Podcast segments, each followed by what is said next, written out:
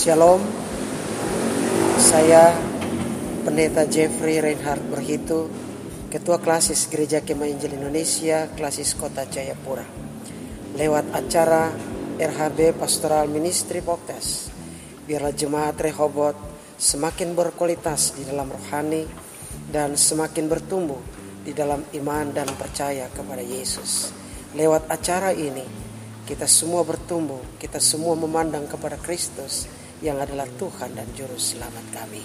Tuhan memberkati kita. Amin.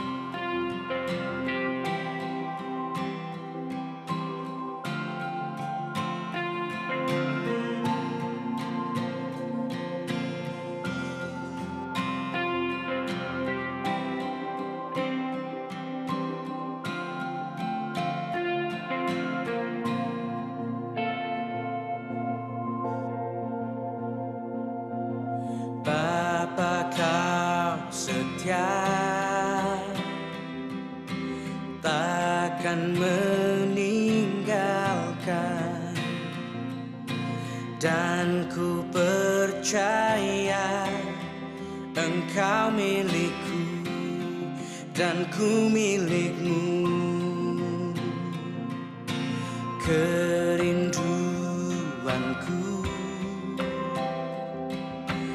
tinggikan namamu. Karena ku tahu engkau dalamku dan ku dalammu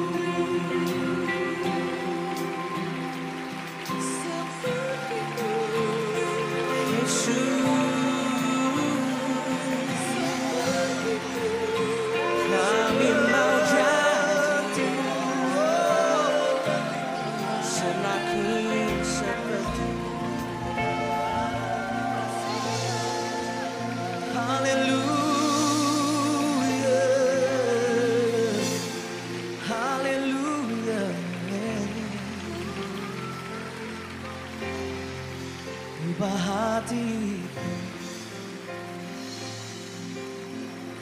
Malam ini kami mau diubahkan. Kami mau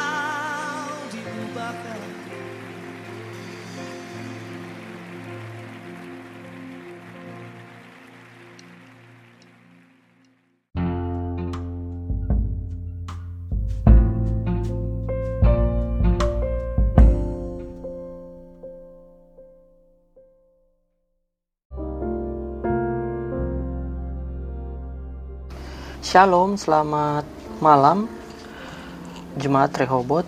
Eh, Hari ini kita bersyukur. Secara pribadi saya juga mau bersyukur Karena kita boleh disertai Tuhan sepanjang hari ini. Dan pada malam ini eh, Hari Rabu ya Kita akan berbagi firman Tuhan dalam siaran podcast RHB Pastoral Ministry bersama saya tentunya Evangelis Fauzi Watimena. Baik, eh, sebelum kita merenungkan satu ayat dari yang akan saya bacakan, mari kita memohon pertolongan dari Tuhan sehingga kita boleh dipimpin dan di hati kita boleh terbuka untuk firman. Mari kita berdoa. Bapa yang di sorga, kami datang bersyukur karena hidup kami Tuhan telah berkati, Tuhan telah sertai, dan Tuhan telah jaga kami sepanjang hari ini. Sebelum kami merenungkan firman-Mu, bukalah hati kami, telinga kami, supaya firman ini boleh tertanam dalam hidup kami, dan kami rindu menghasilkan buah firman dalam kehidupan kami. Secara khusus kami dalam siaran ini para pria Tuhan tolong sehingga kami menjadi pria yang boleh bertanggung jawab melaksanakan panggilan yang Tuhan nyatakan untuk kami lakukan baik sebagai seorang bapak, suami dan sebagai seorang kepala keluarga dan pelayan. Mari Tuhan tolong kami dalam nama Yesus kami bersyukur. Amin. Baik, Eh, renungan firman Tuhan pada malam ini terdapat dalam Injil Matius pasal 5 ayat 48. Saya ulangi. Injil Matius pasal 5 ayat 48 berbi- demikian bunyinya firman Allah. Karena itu haruslah kamu sempurna sama seperti Bapamu yang di sorga adalah sempurna.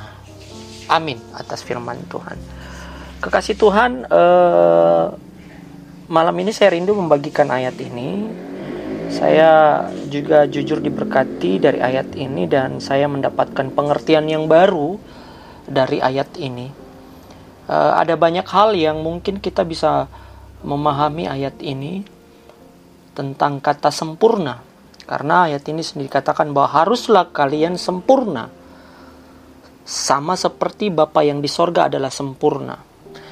Uh, yang perlu kita pahami dari ayat ini berbicara tentang kata sempurna bukan berarti dalam pengertian arti makna dari kata sempurna ini adalah tanpa cacat celah. Ya, saya ulangi. Uh, arti makna yang dipakai dalam kata sempurna dari teks ini bukan pengertiannya adalah tanpa cacat celah tetapi dari arti makna dari kata sempurna ini adalah uh, yang saya baca dari seorang uh, kajian biblika dikatakan di sini adalah dari kata uh, bahasa asli Ibrani yang diserap masuk di sini dikatakan artinya adalah salem. Salem yang artinya uh, dalam bahasa Indonesianya diartikan adalah tuntas ya selesai Dan kata Salem ini akar kata yang diambil dari kata Shalom. Maka ayat ini menunjukkan bahwa kesempurnaan yang dimaksud Tuhan Yesus adalah kesempurnaan dalam artian uh, dalam bahasa Inggrisnya completeness apa? Complete, complete, kelengkap, ketuntasan. Ya dalam diterjemahkan dalam bahasa Indonesia. Dari pribadi yang telah percaya kepada Tuhan. Jadi dituntut jadi ayat ini Yesus maksudkan adalah haruslah kamu sempurna sama seperti Bapakku di sorga sempurna. Jadi ketika Yesus menuntut kepada kita adalah sebagai orang percaya bahwa kesempurnaan kita adalah dinilai dari ketuntasan dari semua tanggung jawab yang kita lakukan sebagai orang percaya kepada Kristus. Ya. Jadi ini maksud dari kata sempurna dalam ayat ini uh, kalau kita melihat dari ayat ini, saya ingin berbagi di bagian ini. Kata shalom ya, dari shalem yang kata sempurna itu serapan akar katanya shalom, damai sejahtera. Jadi uh, kita sebagai orang percaya kepada Kristus adalah pembawa damainya Tuhan, ya kita pembawa sentosa, pembawa selamat, pembawa uh, kesempurnaan di dalam Tuhan yang dalam pengertian ketuntasan yang kita lakukan sebagai orang beriman kepada Tuhan. Jadi Bapak Ibu kekasih Tuhan yang mendengarkan renungan ini, saya ulangi, uh, kalau melihat dari rujukan ayat ini, saya ingin membagikan bahwa seperti yang saya jelaskan bahwa sempurna ini bukan pengertian bahwa tanpa cacat celah karena yang tanpa cacat celah adalah satunya satu-satunya pribadi yang tanpa cacat celah hanya Kristus yang adalah manusia sejati dan Allah yang sejati. Inilah uh, teologi yang disebut kristologi. Ya, kristologi adalah Yesus yang adalah manusia sejati tetapi Allah yang sejati juga. Kemanusiaan Yesus sempurna. Dia tidak berdosa. Sedangkan kita berdosa kita bercela. Dosa turunan ya. Sekalipun ada orang bilang punya uh, orang-orang uh, manusia banyak membuat satu pernyataan seperti ih bayi itu uh, sudah meninggal. Dia tidak berdosa. Ya dia berdosa.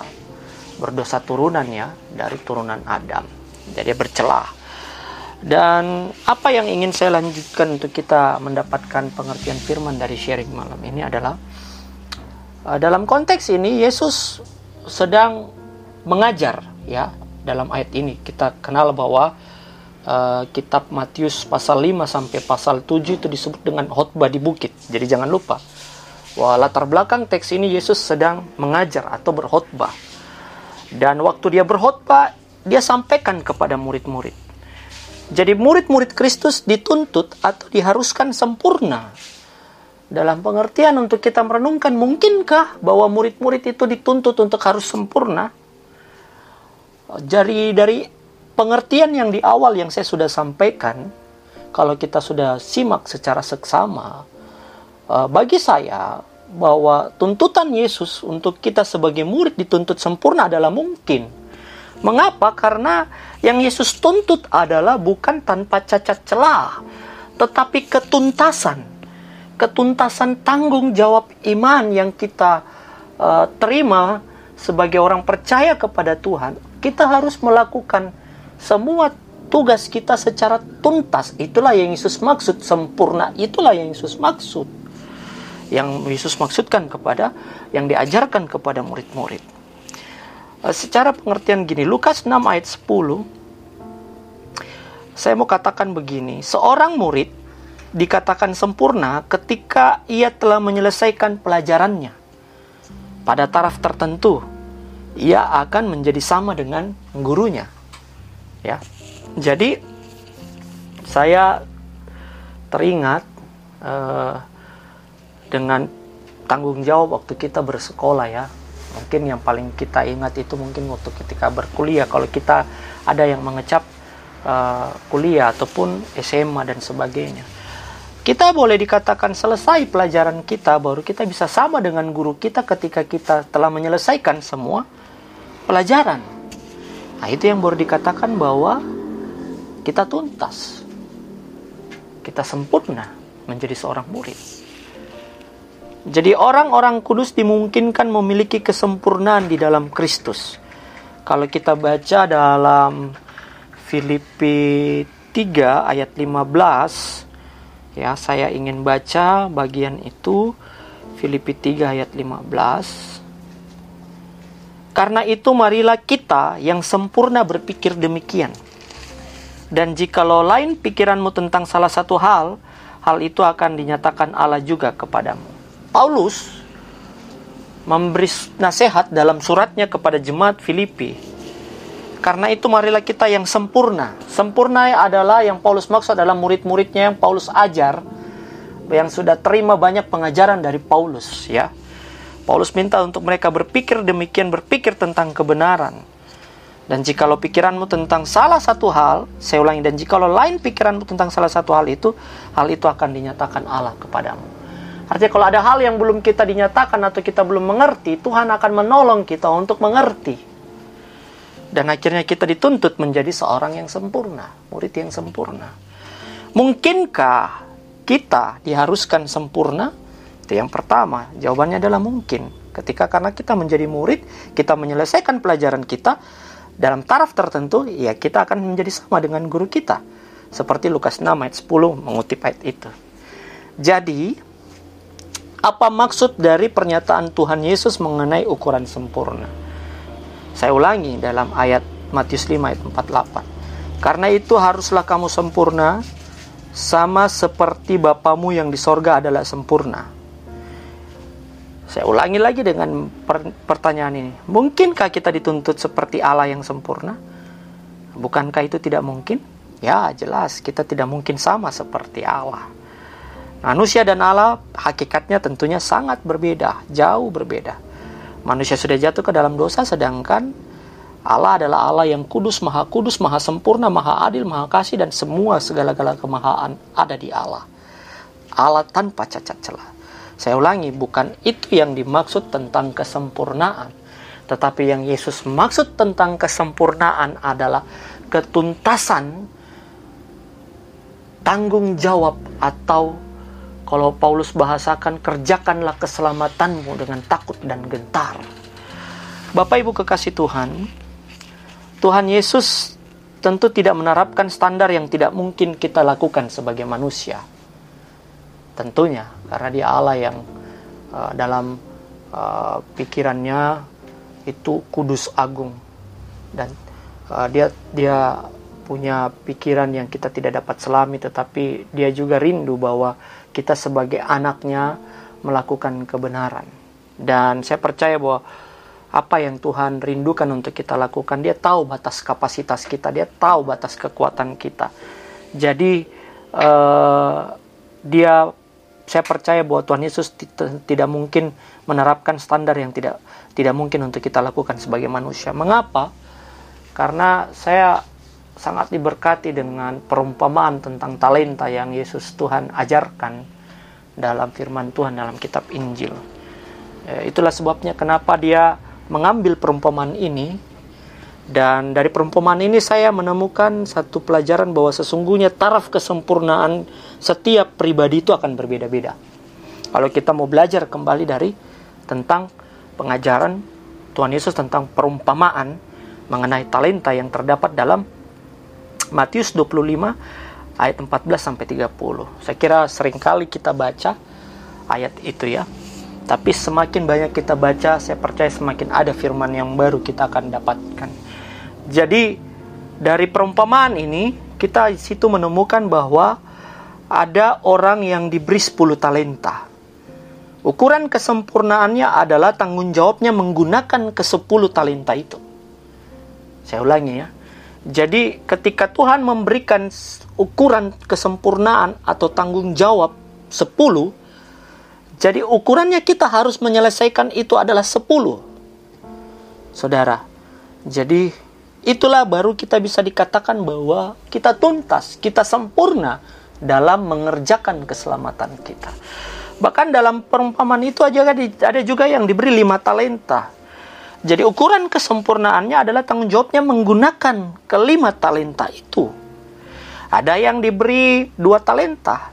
Jadi ukuran kesempurnaannya, saya lebih suka menggunakan kata ukuran ketuntasannya untuk melaksanakan tugasnya secara tuntas itu dua adalah tanggung jawabnya menggunakan dua. Jadi janganlah kadang kita mau sama seperti orang lain. Saya ulangi bahwa setiap pribadi takaran ukuran untuk menggunakan talenta itu berbeda.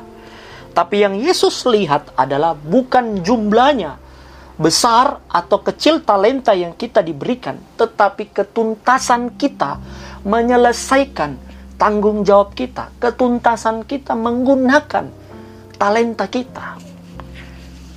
Jadi, Bapak Ibu kekasih Tuhan, inilah yang bisa saya bagikan pada malam ini tentang haruslah kalian sempurna sama seperti Bapa di sorga sempurna. Kita bisa dikatakan sempurna jika kita terus mengerjakan keselamatan kita dengan takut dan gentar. Kita tidak mengabaikan tanggung jawab kita sebagai orang percaya, sekalipun kita ada di tengah-tengah pandemi. Ya, sebagai bapak, tuntaslah, bertanggung jawablah, selesaikanlah semua tanggung jawabmu sebagai seorang bapak. Belum bisa dikatakan bahwa kita tuntas kalau kita hanya sibuk dengan pekerjaan di kantor tetapi kita tidak menyelesaikan tuntas tanggung jawab kita sebagai pribadi Bapa di rumah. Memberikan kasih sayang, memberikan didikan kepada anak, ajaran dan nasihat dari Tuhan. Kekasih Tuhan, saya rindu menutup refleksi malam ini dengan saya menyinggung kembali tentang parenting adalah panggilan Allah. Apa pun tanggung jawab, apa pun latar belakang anak yang uh, Tuhan karuniakan dan statement yang saya sangat pegang dari seorang uh, penggiat anak, seorang hamba Tuhan dan dia bangun sebuah teologi anak dan dia berkata bahwa uh, pola asuh yang kita terapkan kepada anak kita itulah yang menentukan siapa karakter kita jika kita adalah orang tua yang otoriter atau pola asuh yang kita terapkan otoriter, itulah karakter pribadi kita adalah otoriter. Ketika kita sebagai orang tua mengabaikan anak atau abai terhadap anak, tidak terlalu peduli terhadap anak, itulah karakter kita adalah orang yang abai. Tetapi ketika kita terlalu memanjakan anak dan kita tidak bisa memberikan dia disiplin, Itulah karakter kita sebagai orang tua bahwa kita adalah terlalu memanjakan anak. Eh, kekasih Tuhan, saya sendiri eh, saya berbagi kesaksian. Saya sendiri eh, bukan anak yang dididik dan dibesarkan di dalam orang tua kandung. Tetapi saya merasakan uh, saya dikandung di dalam ajaran iman dan kebenaran dari uh, oma saya sendiri yang bernama Yohanes Sampebana. Sekalipun dia bukan orang tua kandung saya, tetapi saya berpendapat bahwa saya dikandung di dalam iman dan kasih yang dia terapkan kepada saya sehingga saya sungguh merasakan parenting dari oma saya itu sendiri. Dan dia tuntas menyelesaikan tanggung jawabnya sebagai orang tua tunggal. Dia melaksanakan tanggung jawabnya sampai dia menutup usia. Puji Tuhan, dia melihat saya boleh wisuda, dia melihat saya boleh diutus sebagai hamba Tuhan. Bahkan terakhir sebelum dia menutup usia, dia uh, melihat saya uh, boleh bertunangan dengan istri saya Angel. Dan saya percaya itu menjadi sebuah kebahagiaan bagi orang tua. Sekalipun saya bukan anak kandungnya, tetapi saya merasa saya telah dikandung, saya menjadi anak kandung. Dan dia tuntas menyelesaikan tanggung jawabnya. Dalam hal lain kekasih Tuhan, di tengah pandemi ini kita dituntut untuk menjadi pribadi yang sempurna, sama seperti Bapa kita di surga sempurna. Mengapa Bapa kita di surga sempurna? Ia mengutus anaknya Yesus Kristus dan menanggung dosa kita di atas kayu salib. Menyelesaikan Yesus Kristus menyelesaikan semua karyanya dengan sempurna. Bahkan kita telah menanti dia nanti akan datang pada kali kedua sebagai raja. Dalam bulan misi ini, saya kembali mengingatkan kita, kerjakanlah keselamatan kita dengan takut dan gentar, dengan tetap memberitakan Injil Tuhan. Karena celakalah kita jika kita tidak memberitakan Injil Tuhan. Mari kita bersatu di dalam doa. Bapa yang di sorga, Engkau Allah yang sempurna. Terima kasih Tuhan. Kami bersyukur buat firman yang datang pada malam ini buat kami. Teguhkan dan materaikanlah firman-Mu, sehingga kami menjadi pribadi yang sempurna di hadapan-Mu, tuntas menyelesaikan semua tanggung jawab yang Tuhan percayakan dan karuniakan kepada kami, untuk mempercepat kedatangan Sang Raja. Berkati umat-Mu dalam peristirahatan mereka malam ini. Hamba mohon perlindungan dan penyertaan Tuhan. Pagari mereka dengan kuasa-Mu. Jauhkan mereka dari mara bahaya, malapetaka, kuasa-kuasa kegelapan kami hancurkan di dalam nama Tuhan Yesus yang perkasa. Dan kami bersyukur buat pekerjaan yang boleh kami lalui sepanjang hari ini. Terima kasih Tuhan. Terpuji namamu. Haleluya. Amin. Terima kasih jemaat telah setia mendengarkan renungan bahkan siaran ini. Selamat malam. Tuhan Yesus memberkati. Shalom.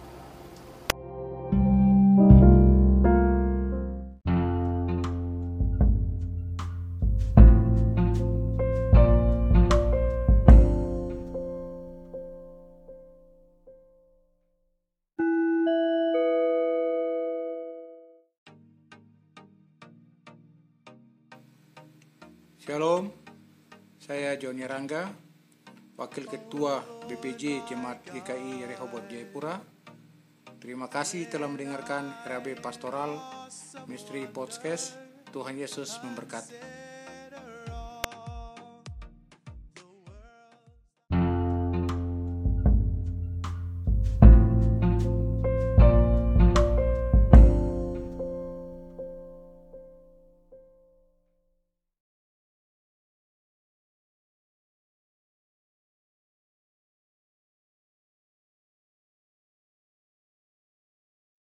Praise God from whom all blessings flow. Praise Him, all creatures here below. Praise Him above ye heavenly host. Praise Father, Son,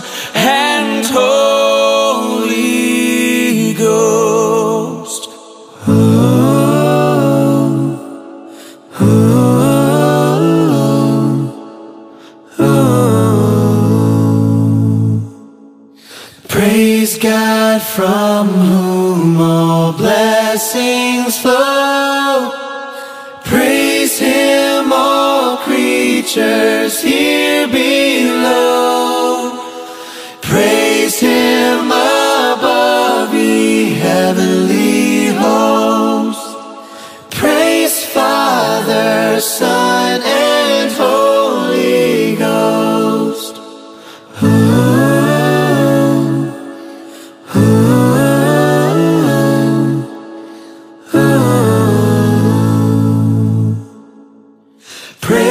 God from whom all blessings flow. Praise Him, all creatures here below.